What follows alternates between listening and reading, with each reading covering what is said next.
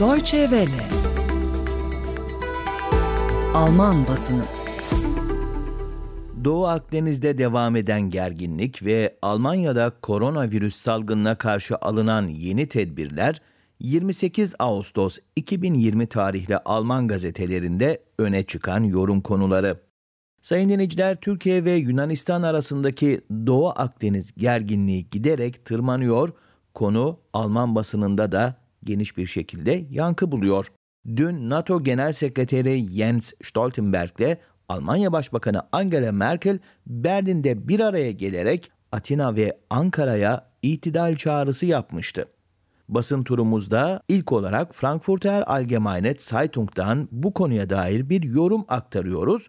Gazete Stoltenberg'in dayanışma ruhu vurgusunu mercek altına alıyor. NATO Genel Sekreterinin sorunun müttefikler arasında dayanışma ruhu içinde ve uluslararası hukuk temelinde çözülmesi konusundaki uyarısı doğru ve mantıklıdır. Ancak bu dayanışma ile işler gittikçe daha da istikrarsızlaşıyor.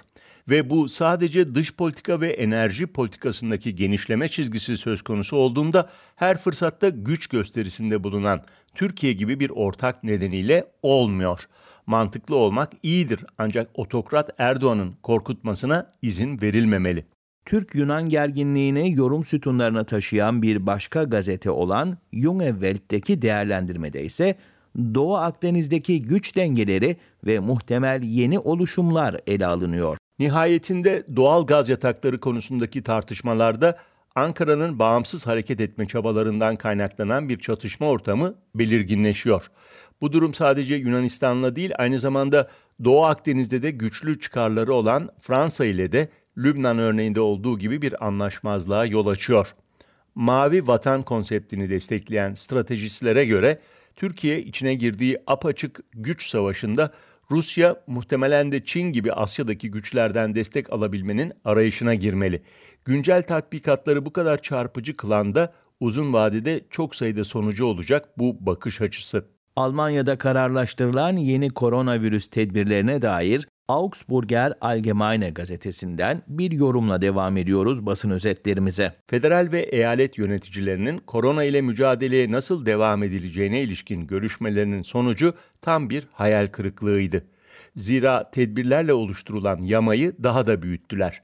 İnsanların uzun zamandır özlemini çektiği aynı kuralların uygulanmasından Almanya çok uzakta. Basın özetlerimizin son yorumunu da konuya ilişkin yine Frankfurter Allgemeine Zeitung'dan seçtik. Şunun gibi sorular mevcut. Riskli bölgelerde tatil yapıp dönenler test yaparak karantinayı ne zaman sonlandırabilir? 5 veya 6 gün sonra mı? Test sorumluluğu ne zamana kadar geçerli?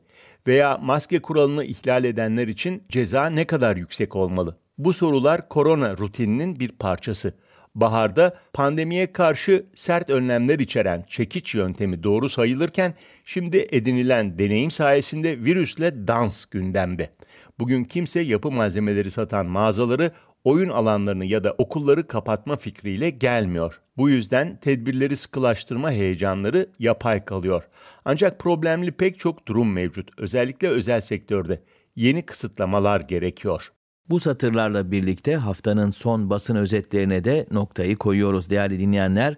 Önümüzdeki pazartesi günü yeniden birlikte olabilmek ümidiyle huzurlu, keyifli, mutlu hafta sonları diliyoruz efendim.